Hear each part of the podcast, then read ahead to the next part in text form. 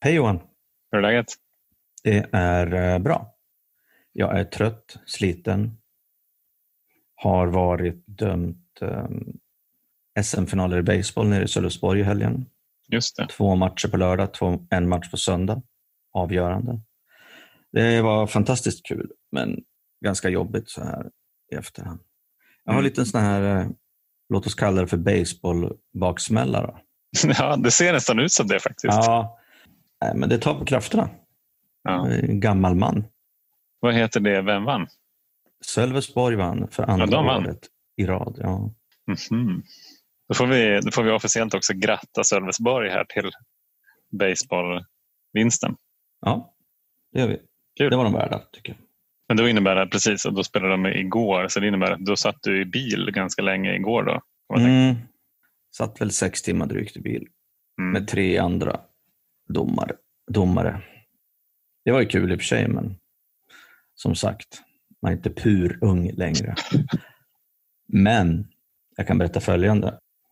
De andra tre, de var ute och slarvade lite grann på kvällarna och nätterna. Mm. drack öl och gin och tonic och såna här grejer och ramlade i säng ganska sent. Och det var så jävla skönt tycker jag på både, både på lördag och söndag morgon att inte liksom oavsett hur städade de var, vilket de var. Så att slippa liksom den här, alltså det skulle fram med huvudvärkstabletter och det skulle drickas massa vatten och ja, Mm. du vet. Det skulle, man skulle på med solglasögon och sådana här saker. är det något som känns igen eller? Ja. Var det Resorb med i den här leken också? Eller? Ja, visst. Med eh, svartvinbärssmak. Ja, just det. Mm. Jag, jag tror att jag, jag drack nog mest Resorb med så här citrus, Mm. citrussmak. Nej, Så så att, eh, jag, kan bara, jag kan inbilla mig, när jag, kan, jag kan försöka föreställa mig hur det skulle vara om jag dessutom hade liksom krökat som jag gjorde förr i tiden, både Mm. fredag och lördag, dömt tre baseballmatcher och suttit slash kört bil i 12-13 timmar totalt. Det hade inte varit så jättekul. Då hade, jag inte, då hade jag nog inte ens orkat prata idag. Nej, då hade du kanske inte haft en podd som heter Alkispodden. Nej, kanske inte. Och kanske inte fått förtroende att döma SM-finaler i baseball heller, förmodligen. Nej, precis. Nej, det är mycket med det där Mm. hönan och, hönan och ägget. Hur är det med dig då? Eh, jo, men det är bra. Jag har eh, inte suttit 12 timmar i bil eller dömt baseball under helgen. Det har varit en, en, en helg. Det är, det är lite spännande det här för att vi spelar in det här avsnittet och det är måndag. Mm. Sådär, och det är inte ens kväll utan det är lunchtid. Så Mm. det, är, det är lite speciellt ur, det, ur den aspekten också. Tycker jag. Men så här, vi brukar ju spela in så här tisdag och onsdagskvällar. Mm. Eh, Men att få börja veckan i princip med Alkispodden-samtal känns ju väldigt härligt. Jag har haft en, en familjefokuserad helg som kröntes av lek och plask igår. Och ja, men faktiskt fokus på återhämtning. Jag sa ju för några avsnitt sedan just eh, att jag var, inte mådde så bra under sommaren och så. Att det var väldigt mycket stress och så här, just en, eh, ja, men en näraliggande, jag vet inte om det var så här utmattning, men det var i alla fall väldigt mycket läge att börja ta hand om mig själv på riktigt. Och det har varit eh, det är kul eh, vad som händer i ens liv när man inte bara säger att man ska göra saker, utan man gör saker. Det är skithäftigt. Att se, liksom, så här, se och känna effekterna av att göra annorlunda. Nej, men också en grej som jag skulle vilja prata om idag är eh, effekterna av stegarbete Mm. till exempel. Och där jag är just nu så ja, delvis så håller jag på liksom fortfarande med några av mina gottgörelser. Alla är inte klara. Men sen så eh, Eh, jobbar jag också i steg 10-11 och det är att fortsätta liksom den här personliga inventeringen, erkänna när vi hade fel och sen så att, um, att förstärka vår medvetna kontakt med Gud genom bön och meditation. Och uh, det var en rätt häftig grej som hände igår. Det var så här, söndag, okay, söndag förmiddag. Kände att så här, uh, så här, ja, jag ville vila men jag hade också ganska mycket grejer som jag ville hinna klart med innan veckan skulle börja. Eh, och en av de grejerna är att jag skulle jag var väldigt sugen på att få, på att få skrivande gjort. Där, sätta av ja, men några timmar till skrivande. Och då när jag började tänka på det där, eh, liksom steg, steg upp ur sängen och bara började tänka på det. Bara, oh shit, ja, men jag, kanske måste, jag kanske måste viga tid själv. Liksom. Eh, jag, kanske, jag kanske hoppar över eh, plask och lek och så får Josefina ta det istället. till exempel. Så att vi delar upp oss. Men så satte jag mig ner och liksom mediterade lite och, eh, och en av de här ehm, en av uppmaningarna i, i Stora boken om man läser den är det så här, ja, men innan vi ehm, innan vi liksom börjar planera för dagen så, så ber vi Gud i princip så här, styra våra tankar rätt. Eh, bort, från, bort från rädsla och själviskhet och, och harm och så. Och eh, liksom, i min tolkning då, liksom, till kärlek. När jag gör det där så, så brukar jag också be om att, att eh, få ha ett öppet hjärta under dagen. Att inte, att inte stänga igen det. För det, det är det som händer mig när jag känner att jag blir rädd för någonting eller när jag så här, eh, ja, börjar, jag börjar tänka på liksom dåliga saker som skulle kunna hända. Så att be om att få ha liksom ett, ett öppet sinne, ett öppet hjärta och att guidas till kärlek. Och sen börja liksom planera, planera för dagen. Och med det så var det liksom två, två insikter som, som kom ganska direkt. Och den ena har att göra med, med traditionerna i gemenskapen. Där den, liksom den, den första traditionen som liksom appliceras på familj kan man säga. Så här, vår gemensamma välfärd eh, kommer i första hand. Och att personligt tillfrisknande beror på enigheten då i gruppen. Men om man, och den där liksom, när det där kom upp till mig i mina tankar så var det så här. Vår gemensamma välfärd som familj kommer i första hand. Personlig utveckling beror på enigheten inom familjen. Och som ett brev på posten liksom efter det där så var det så här en, en tanke, en inspiration som bara se till att ta hand om din familj så kommer du att få tid över till whatever liksom du känner att du vill göra. Och det, det kom så tydligt det där så bara ja, ja men då får jag väl bara följa det istället för att hålla på och gidra och försöka så här minutplanera dagen. Bara okej, okay, vad är viktigast? Ja, men det viktigaste är att vi som familj har det bra idag tillsammans. Och sen så får det andra bara lösa sig. Och det gjorde det verkligen på ett väldigt, väldigt bra sätt. Det var liksom en extremt harmonisk söndag. Även fast vi ändå gjorde en del grejer. Eh, och jag fick, eh, fick loss här, tre timmar och inte så sen kväll eh, till att skriva. Och det var liksom ingenting som behövde pressas in. Att jag skulle så här, hårdnackat få min vilja igenom och att vi skulle, vi skulle förhandla om vem som minsann hade fått göra sin grej nu och eh, vem som minsann skulle få göra sin grej nästa gång. Utan det där liksom, det flöt ihop till någonting som vi gjorde tillsammans och sen så gjorde vi lite grejer var för sig. Men, men det blev aldrig den här transaktionella som det ibland kan bli. Ja, men för min del så var det där, eh, jag har ju jobbat i steg 10, 11 nu i en och en halv månad. Och det står också i stora boken att så här, ja, men från början, så här, vi har precis fått börjat utforska den här medvetna kontakten. Så att det är inte säkert att vi kommer få ingivelser varje dag. Men på sikt, om vi fortsätter, så kommer vi att få det. Och eh, igår var en, så en, den, den första dagen med en väldigt tydlig sån. Då var så här, wow, det här är rätt kul. Och jäkligt bra. alltså mitt liv blev, om, om jag skulle få såna här grejer oftare så blir mitt liv mycket effektivare.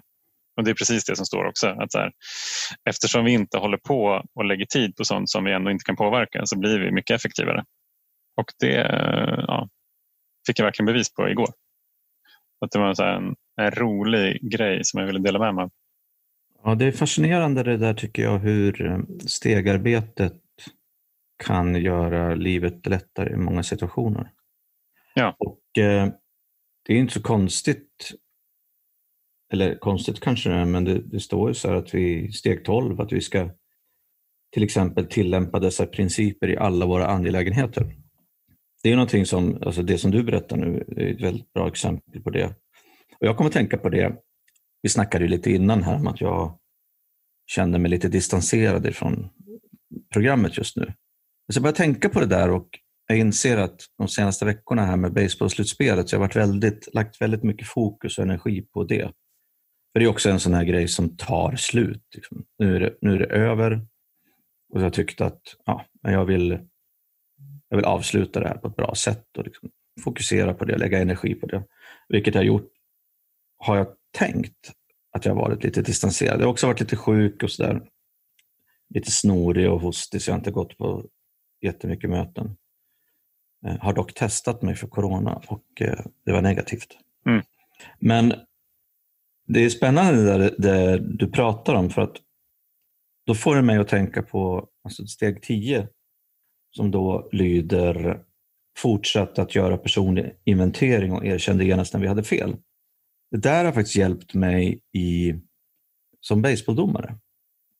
Och det, mm. det är lite roligt för att när jag började döma igen, skulle jag säga, på, det var 2012, det är åtta år sedan, då fick jag lära mig av liksom domarkollegorna, de veteranerna, att alltså, som domare ska man vara väldigt bestämd och tydlig och vi har alltid rätt och man ska inte låta någon annan liksom försöka argumentera för deras sak och eh, tränare och spelare de ska vara tysta de ska acceptera allting vi säger. Och I början så var jag också lite grann så. Ganska konfronterande. Sa till mm. folk att hålla tyst och gå härifrån.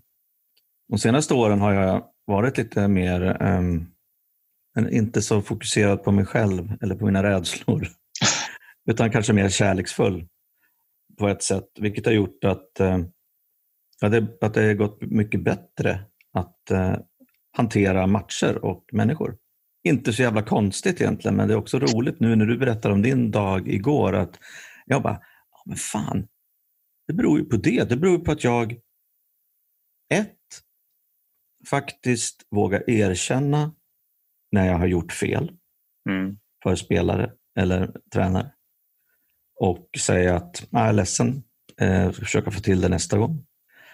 Också, inte kanske under match, men efter match pratat med spelare och tränare och sagt att Nej, men jag missade det där, det, var, det var dåligt. Eller, Ni hade nog rätt, men nu blev det som det blev. Och också fått ganska överraskade miner tillbaks. Va? Kommer du här och erkänner att du gjorde fel? Ja, men precis. Jag var lite nyfiken på, på ja, responsen har varit. Eh, men alltså, den ömsesidiga respekten mellan mig och spelare, och tränare och andra domare har ju blivit mycket, mycket större. Mm. märkt. Och det tredje som jag har också blivit mycket, mycket bättre på, är faktiskt att låta spelare och tränare till en viss gräns prata om det de vill prata om. Och mm. bara lyssna. Vi hade en situation igår där det var en tränare som han tyckte vissa saker och så fick han säga det och sen så sa jag bara, ah, jag hör vad du säger. Punkt. Mm. Sen var det liksom så här, jag bara liksom lät honom veta att jag förstått att han hade de här åsikterna. Sen blev det lugnt. Istället mm. för att jag och den här tränaren har haft våra duster genom åren. Hade det varit för fem år sedan, då hade jag avbrutit honom. Ja, jag vet att du tycker det, men vi har inte tid med sånt här tjafs nu. Vi kan ta det sen. Så att det är jävligt spännande på det sättet att, att tänka på stegarbete som verktyg i, inte bara för att vara nykter och kolla på med personlig utveckling utan också hantera liksom, livet. Baseball, ja, baseballmatcher kan ju verka liksom ganska avlägset och till och med trivialt. Att hantera eller leva kärleksfullt i en familj är ju fantastiskt. Så att de här verktygen, verktygen som vi har fått, om vi tar till oss dem, hjälper ju otroligt mycket. Mm. Absolut. Vi hade här på morgonen så hade jag och en kollega en, ett möte med en, en person som var ansvarig för en global HR-funktion på en stor bank. Och ingen av oss hade träffat henne eh, tidigare. Och, eh, menar, ja, vi är managementkonsulter, rådgivare och jag tror att hon hade nog en bild av hur vi skulle vara. Och eh, vi är nog ganska olika. Eh, den liksom nidbilden av en managementkonsult i alla fall. För att, för att eh, vara ganska tydlig tidigt med att så här, vi kommer ju aldrig kunna er verksamhet bättre än ni kan. Och hur skulle vi kunna det? Ni är ju experter på det, ni har ju levt det där i flera år. Och eh, det, det vi kan däremot och som vi gör varje dag, det är utveckling. Så liksom att bara, bara att, att någonstans här deklarera det gjorde att det blev, det blev ett helt annat eh, samtal ett möte med den här personen och det handlade någonstans om att vara nyfiken på, på henne. Liksom, vad, är det, vad, är det, vad, är det, vad är det hon sitter med och skulle vi kunna skulle vi kunna hjälpa henne på något sätt? Och inte för vår egen vinning utan för hennes vinning. Eh, och då, utifrån den plattformen, så är det oerhört mycket härligare tycker jag att vara rådgivare. Mm. Jag tror att hon blev ganska chockad över den inställningen. Men det är också en kärleksfull inställning till, till yrket så att säga. Och liksom den, den rollen och med, med vilket syfte eh, är jag rådgivare eller managementkonsult. Mm. Om jag är det för min egen skull, då vet jag inte riktigt om jag är eh, rätt ute kanske. Nej, det där är spännande. Jag, jag har väl också, jag kan väl vittna ungefär samma utveckling för mig, just det där alltså som kreatör och ansvarig inom ja, reklambranschen kan man väl säga. Att jag tidigare, framförallt när jag var aktiv, att jag var väldigt sådär, det var mycket prestige. Mm. Det var mycket mina idéer är bäst. Det var mycket kunden har alltid fel. Mm. De förstår inte vad de behöver. Mm. Eh, och eh, de här åren som jag varit nykter så märker jag att jag eh, dels eh, ja, har blivit bättre på att lyssna helt enkelt. Mm. Och förstå liksom, andra människor. Men också har, jag vet inte man kallar det för att tappa, släppt mycket prestige. Liksom. Mm. Att det inte det, det, här, det här projektet eller de här åtgärderna eller aktiviteterna som jag håller på med, syftet är liksom inte att jag ska glänsa eller att det är för min skull som de här idéerna ska gå igenom, utan liksom se till, se till liksom ändamålet. Mm, och, eh, och, och, tycker liksom att jag har inga problem att ja, släppa saker eller kill my darlings eller förstå liksom att ja, men budgeten är inte tillräckligt stor för det här. Utan eh, jag vet inte, det, det handlar väldigt mycket det här om att ja, men släppa. Det är ju jävligt mycket rädsla alltså, för, för min position. Mm. Att jag väldigt liksom, försöker skydda, försöker skydda min position i någon typ av sammanhang. Och eh, liksom vara, vara bäst eller ha bäst idéer eller lyckas mest eller vad fan det nu kan vara. Mm. Och det är ju liksom utifrån det sammanhanget som du uppfattar. Ja, ja. Mm. Och det är ju liksom väldigt mycket i mig. Mm. Jag, tycker att det, jag tycker att det är så jävla skönt att eh, kunna släppa lite grann på den här jävla... Alltså, någonstans liksom de här spända käkarna och paniken över att liksom bli eh, inte vet jag, avslöjad. Och, mm, eller ja, jag tänkte precis på det. Paniken av att inte vara bäst utan att bara liksom kunna bidra till någonting. Mm. Vad det nu är. På det sättet som är, är bäst för, för gruppen.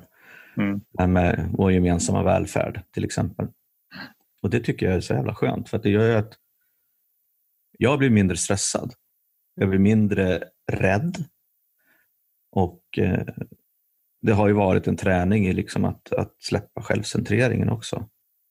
Och låta andra människor både komma till tals, komma fram, att de också får bidra, men också att se att det är vad som är bäst liksom för, för våra gemensamma intressen.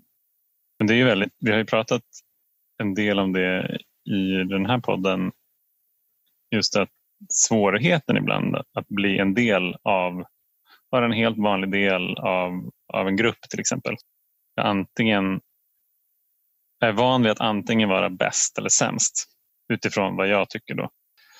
Så att, att bara vara en helt normal medlem av en grupp, det i sig är liksom, för många den stora tröskeln att ta sig över.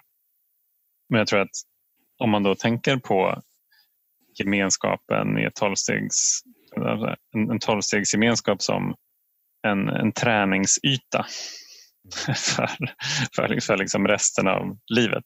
Då är det där en, en jättebra övning att göra. Där. Om jag kan ingå i det här sammanhanget och känna att jag är bara, men så här, jag är en del av den här gruppen.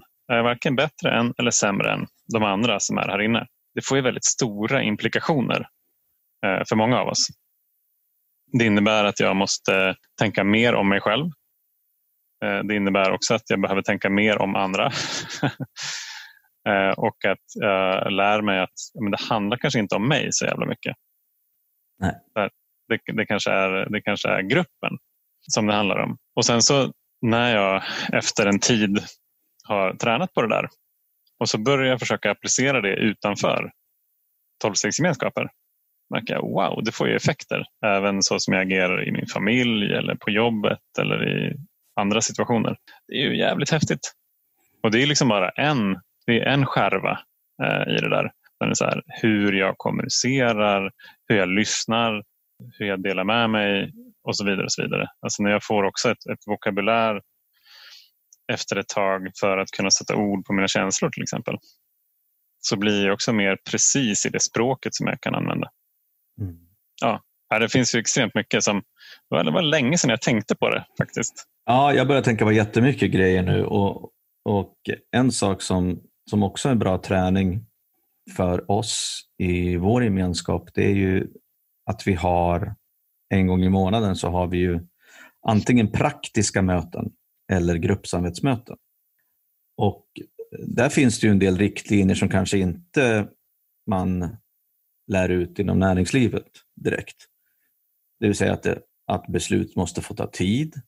Mm. Man ska låta alla komma till tals, framförallt minoriteten. Ja, exakt. Den gillar jag. Framförallt minoriteten. Ja, man ska lyssna på minoriteten. Eh, de kanske inte ska få liksom driva igenom sina viljor, men det kan Oft, erfarenheten är ofta att det leder till bättre beslut för hela gruppen. Mm. Och att det är liksom en process som är nästan diametralt motsatt alltså näringslivsprocessen. Eller vilka möten som helst, på att säga, där det ska vara antingen liksom enkel majoritet eller liksom, där den som skriker högst liksom vinner. Mm. Och, det här, och Det är lite roligt för att jag har ju då som gruppservicerepresentant för vår hemmagrupp fått uh, ha förmånen att leda de här mötena i, i något år nu. Och Det är också väldigt uh, annorlunda. Mm. Att låta liksom alla prata, att lyssna på alla och sen liksom att kanske bordlägga en omröstning till nästa möte för att vi måste enligt våra traditioner och regler så måste det gå minst två möten, det vill säga en hel månad till mm. innan vi kan fatta beslut i den frågan. Mm bara ta med sig det lite grann i ryggmärgen, medvetet eller omedvetet, när, när jag är ute bland andra människor gör ju att så jag får en helt annan plattform att liksom möta människor på. Men det är, det är faktiskt, alltså när vi har gjort men i ledningsgruppen, när vi har liksom rannsakat oss själva lite grann och sett så här, det där var inte så bra beslut. liksom de, de gångerna. Då har vi sagt så här, att okej, okay, hur skulle vi kunna göra för att det beslutet inte tas nästa gång? Mm så har vi satt som en princip att så här, en av oss måste ta eh, liksom motsatt position jämfört med de andra. Mm. Och eh, vi, vi, ska inte, vi ska liksom inte göra det jobbigt för den personen att göra det. För att vi alla var så här, men vi gillar, vi gillar när det går fort och det är så här, vi, vi, vi vill att saker och ting ska lyckas och så vidare. Så att vi, vi kan liksom lätt hamna i ett läge där vi inte ifrågasätter tillräckligt mycket vi vill att det ska vara på ett visst sätt och då hoppas vi att det är så. Så att vi utifrån liksom ett näringslivsperspektiv hade mått väldigt bra av att ha de principerna med oss från början. Och nu, försöker, nu inför vi dem för att vi märker att vi blir klokare om vi inte bara håller med utan att vi säger okej okay, men hörni, om vi ställer oss i den, i den här positionen, så här, vad skulle kunna vara negativt med att göra precis det här? Mm. Det som är bra nu det är så att ja, men då har vi bestämt att vi ska göra det det är mycket, mycket svårare att vara den där personen som så här, hörni, jag vet att ni alla andra tycker att det här är skitbra, men jag tycker inte att det här är en bra idé. Det, är ganska, det, kan, vara, det kan vara jättesvårt att göra det. Mm. Även fast det som kanske är det modigaste och det bästa man kan göra för företaget. Ja, det är jättespännande. Och jag menar, de här principerna som vi får lära oss, som vi ska ta med oss ut i livet, har hjälpt mig otroligt mycket i alla fall. Mm.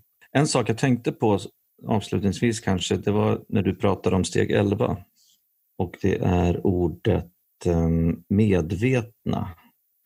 Mm. Att förbättra vår medvetna kontakt med Gud. Då fick jag en sån här fan, det är alltid så när man pratar med andra alkisar. Liksom att, ja, det där behövde jag höra. Alltså, jag tänker så här att jag har varit lite distanserad.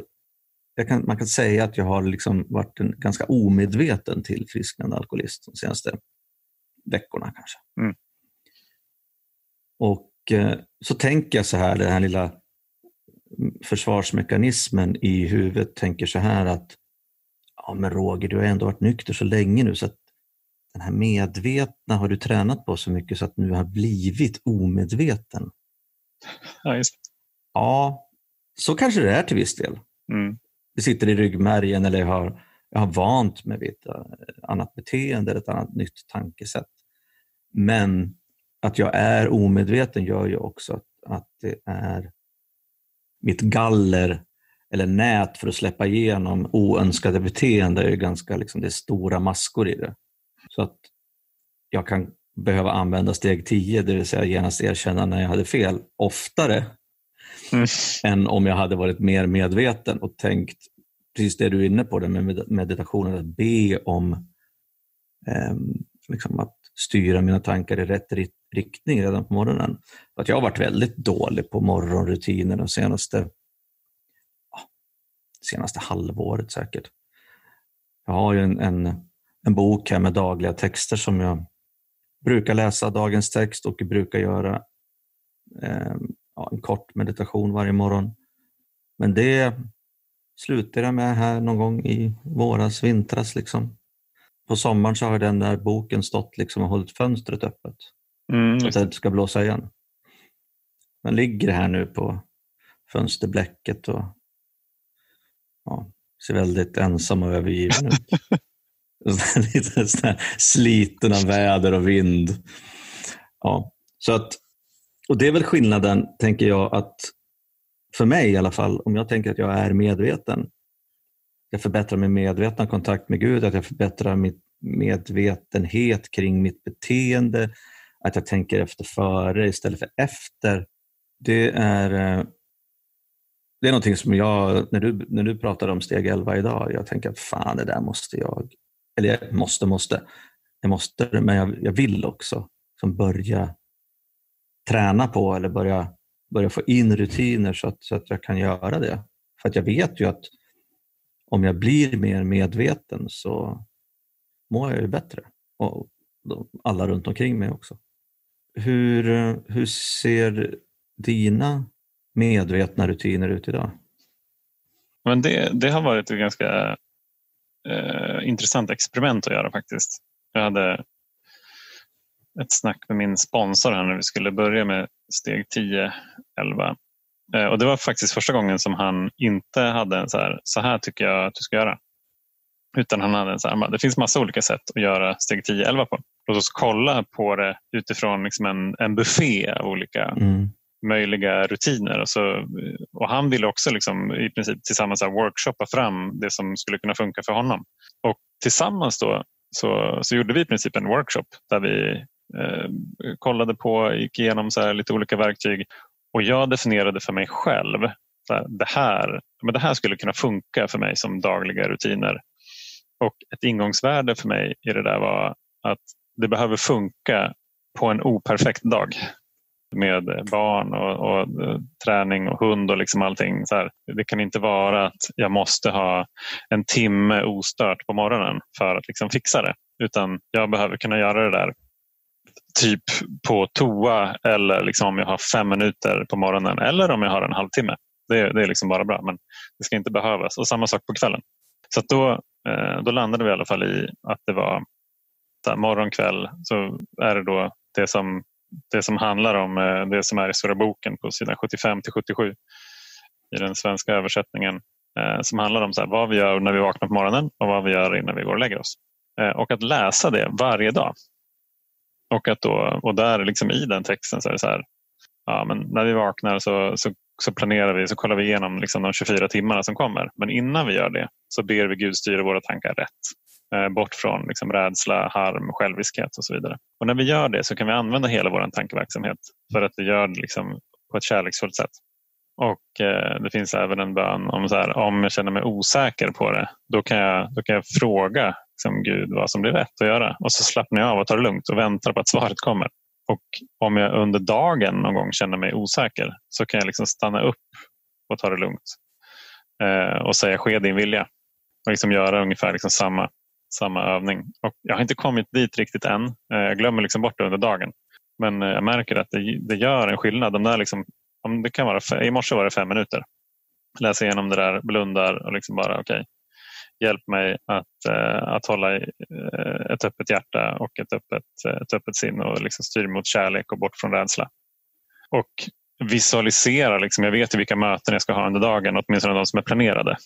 Där, just det, då ska jag träffa, då ska jag prata med Roger till exempel. Hur skulle jag vilja liksom, vara i det mötet? Då, efter det så ska jag träffa min kollega Marcus. Hur skulle jag vilja liksom, möta honom?